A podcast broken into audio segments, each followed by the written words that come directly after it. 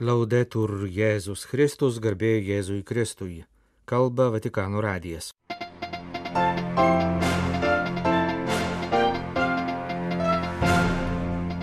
Ketvirtadienio vakarą prasidėjo popiežiaus kelionė į Mongoliją.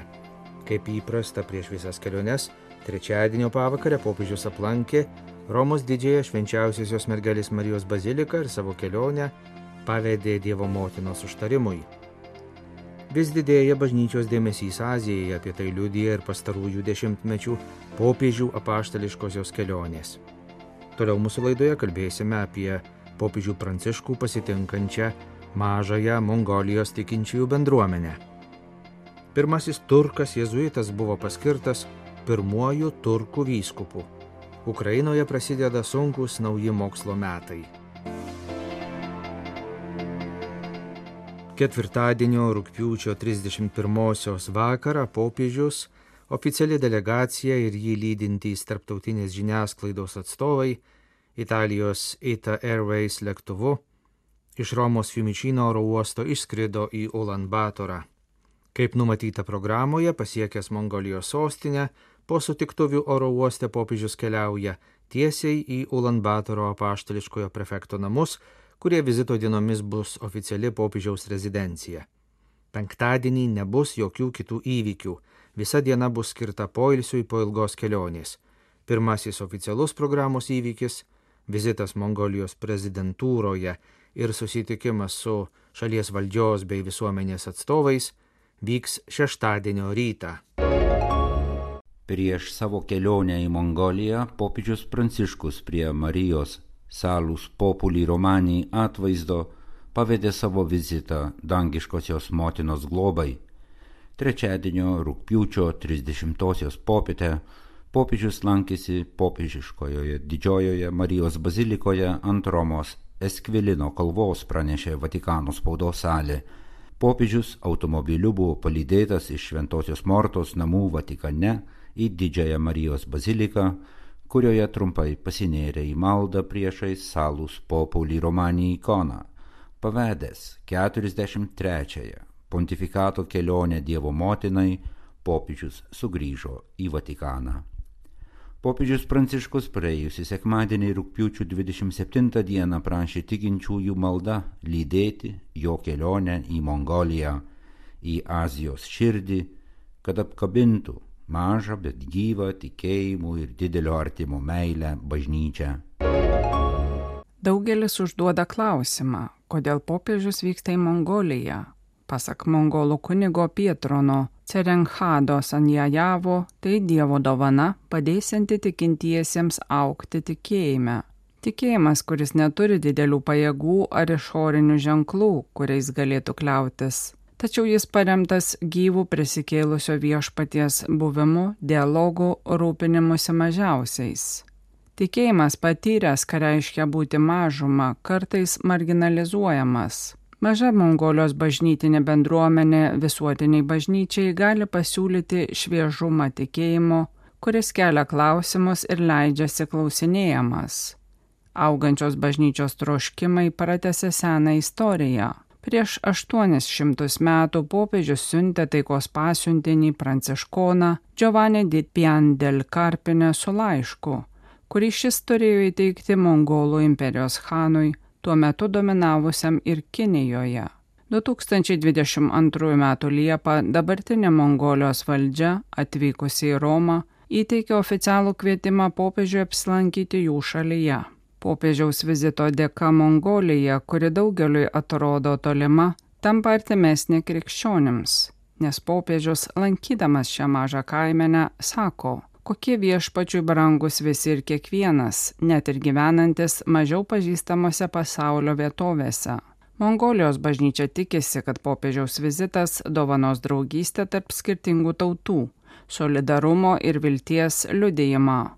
Šią viltį perteikia saleziečių misionieriaus Leungo Konhių žodžiai. Kas žino, koks medis išauks iš šios mažytės sėklos. Popiežiaus kelionė į Mongoliją, kodėl bažnyčioje kiekis nėra svarbiausias. Viena popiežiaus Pauliaus šeštojo frazė padeda suprasti apaštalinio vizito į Mongoliją priežastis. Azijos širdyje gyvuojanti bendruomenė, pas kurią keliauja popiežius Pranciškus maža skaičiais, tačiau gyva tikėjimu ir stipri gailestingumo darbais. Pranciškus ne tik susitiks su pusantro tūkstančio šalies katalikų, bet su visa kilne ir išmintinga tauta, puoselėjančia budizmo tradicijas. Kodėl popiežius vyksta į Mongoliją? Kodėl skiria penkias dienas aplankyti tokiai mažai grupeliai katalikų? Ar priežastys slypi geopolitikoje, nes tai šalis, kuri ribojasi su Rusija ir Kinija? Iš tikrųjų, piligrimystės į Azijos periferijas tikslai neturi geopolitinių motyvų. 1970 lapkričio 30 dieną Šventasis Paulius VI leidosi į ilgą kelionę, kuris siekia Samoa salyną Ramiajame vandenyne. Švesdamas mišes Leulumoje Gatuai kaime Upolų saloje, popiežius sakė, Mane pas jūs atvedė ne pomėgis keliauti ar paprastas susidomėjimas, Atvykstu, nes visi esame broliai, tiksliau jūs esate mano sūnus ir dukterys. Tad teisinga, kad šeimos, šios katalikų bažnyčios šeimos tėvas parodo kiekvienam, kad jis turi teisę būti mylimas lygiai kaip kiti. Žinote, ką reiškia katalikų bažnyčia? Reiškia, kad jie įsteigta visai visatai, visiems, kad ne vienam nėra svetima, jokiam žmogui, kad ir kokiai tautai jis priklausytų, koks būtų jo išsilavinimas, amžius ar gyvenamoji vieta. Bažnyčia vieta visiems. Bažnyčia, kur pirmenybė ne kiekis, kur ne vienas nėra svetimas, kad ir kokia kalba kalbėtų ar kokios kilmės būtų. Bažnyčia visiems, kaip sakė popiežius Pranciškus Lisabonoje. Nepraėjus nei mėnesiui po pasaulio jaunimo dienų Lisabonoje, Romos vyskupas vėl leidžiasi į kelionę sakydamas Mongolijos broliams ir seserims, kad džiaugiasi keliaudamas pabūti su jais kaip visų brolis. Pranciškaus vizitas Mongolijoje rūpjūčio 31 rugsėjo 4 dienomis yra 180-oji popiežių apaštališkoji kelionė nuo jų pradžios 1964 metais.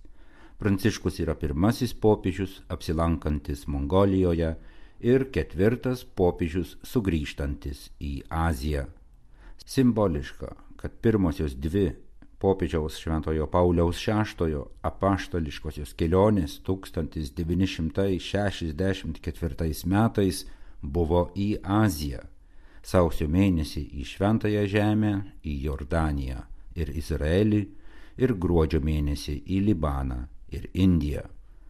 Pranciškaus kelionė į Mongoliją nuo pirmosios Šventojo Pauliaus VI į Aziją, kuomet Romos vyskupas apsilankė Jeruzalėje, yra 30-oji popiežių kelionė į Azijos žemyną. Beje, Pranciškus kelionė į Mongoliją, kuri yra 12-oji jo kelionė į Aziją, pralenkia popiežiaus Šventojo Jono Pauliaus II kelionių į Aziją, kurių buvo 11 skaičių.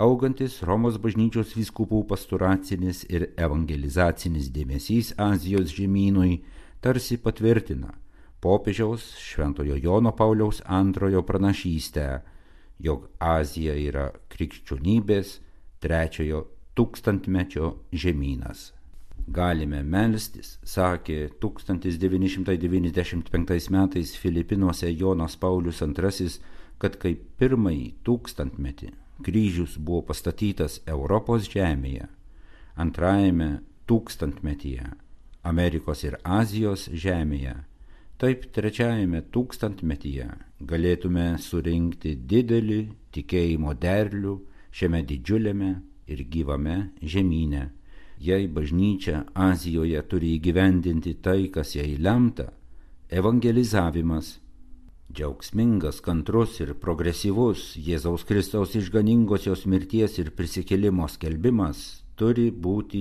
jūsų svarbiausias prioritetas.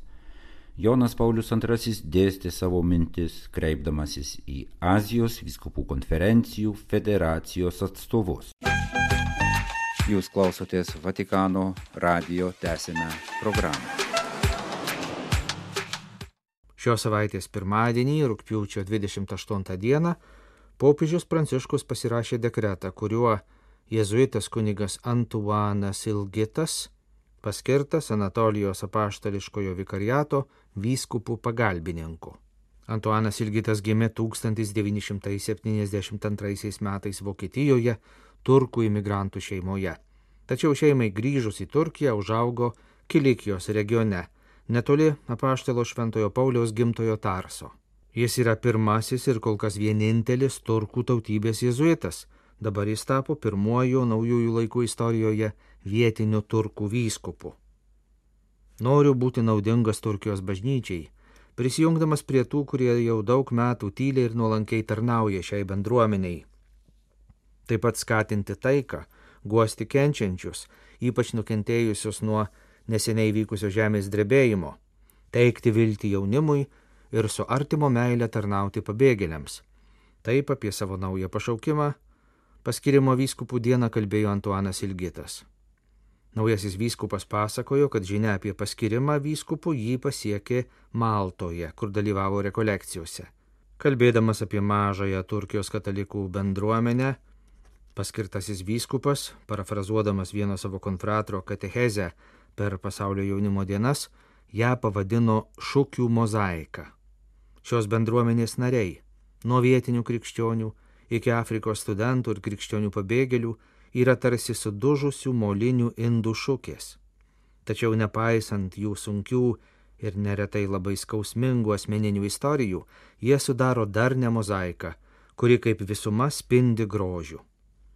Naujasis vyskupas paminėjo labai šviesų pavyzdį, kurį paliko 2010 metais nužudytas Turkijos katalikų ganytojas vyskupas Luigi Padoveze. Taip pat dėkoju už nuolatinį palaikymą dabartiniam Anatolijos apaštališkajam vikarui vyskupui Paulio Bidzetį, kurio bendradarbis jis buvo iki pastarojo paskirimo ir su kuriuo dabar kartu dirbs kaip vyskupas pagalbininkas. Naujasis vyskupas, kaip katalikų bažnyčios ganytojas ir kaip Turkijos pilietis, nori tarnauti mažai katalikų bendruomeniai ir visai šalies visuomeniai, kad Turkijoje, kurios teritorija buvo keleto civilizacijų lopšys, stiprėtų taika ir skirtingoms tradicijoms priklausančių žmonių darnus sambuvis.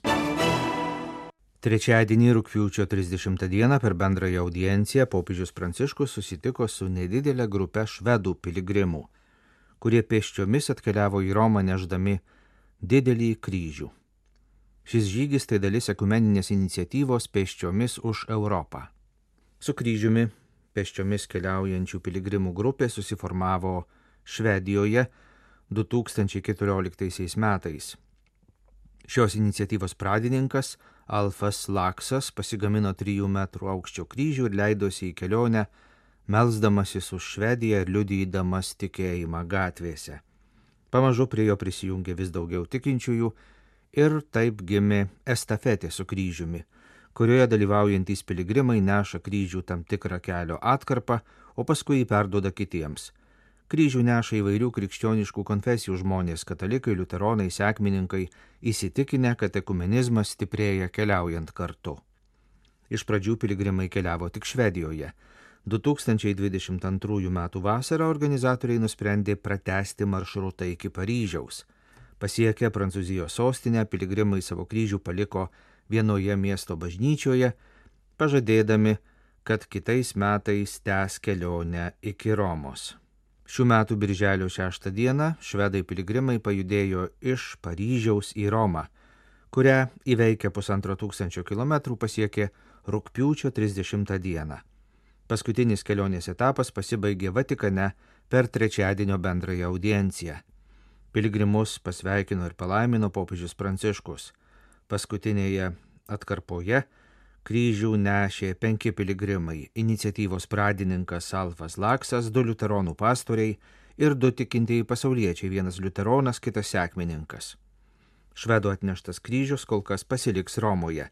Kitais metais ketinama tęsti kelionę iki Jeruzalės.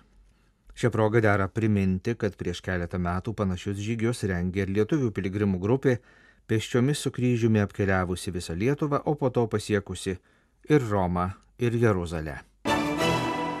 Rugsėjo pirmąją daugelį Europos šalių prasideda nauji mokslo metai. Ukrainoje karo sąlygomis ne visi mokiniai ir mokytojai gali sugrįžti į mokyklas. Pasak Junktinių tautų vaikų fondo UNICEF, vaikų mokymosi procesas visoje Ukrainoje yra sutrukdytas, konstatuojamas skaitimo įgūdžių, taip pat ukrainiečių kalbos, matematikos mokymosi rezultatų pablogėjimas. Dėl COVID-19 pandemijos ir dabar dėl karo mokiniai Ukrainoje jau ketvirtus metus patiria mokymosi sutrikimų. Dėl nesiliaujančio apšaudimų pavojaus vaikai neturi saugių erdvių mokytis ir gyvena nuolatinio streso sąlygomis. Dėl to jiems ne tik sunku daryti pažangą mokymosi srityje, bet ir išsaugoti tai, ką išmoko, kai mokyklos veikia visų pajėgumu.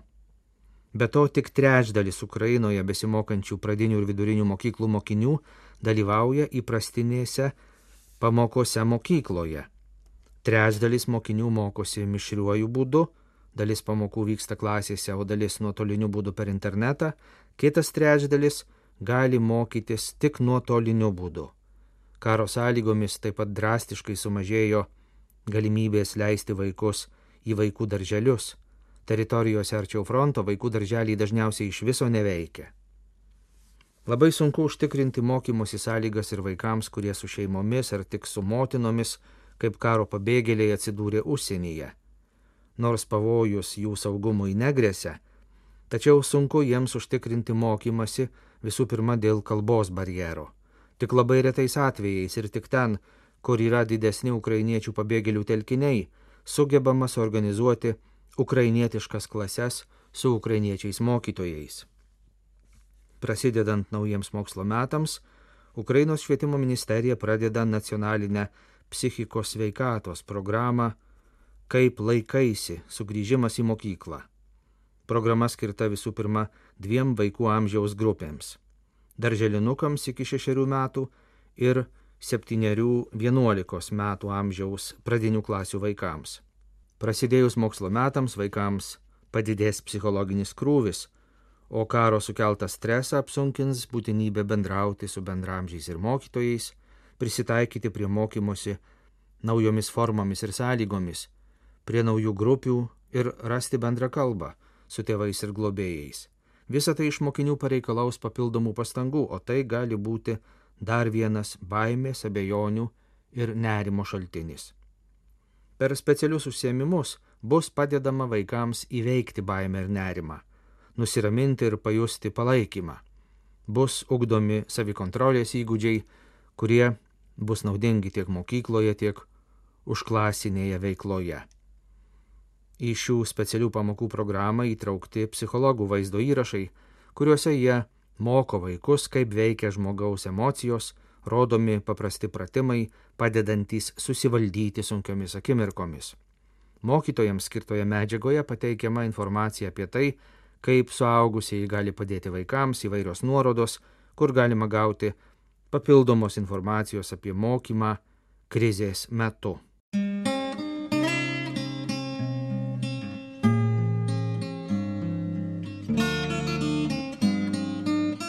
Kalba Vatikano radijas. Laidą lietuvių kalba baigėme. Garbėjai Jėzui Kristui, laudetur Jėzus Kristus.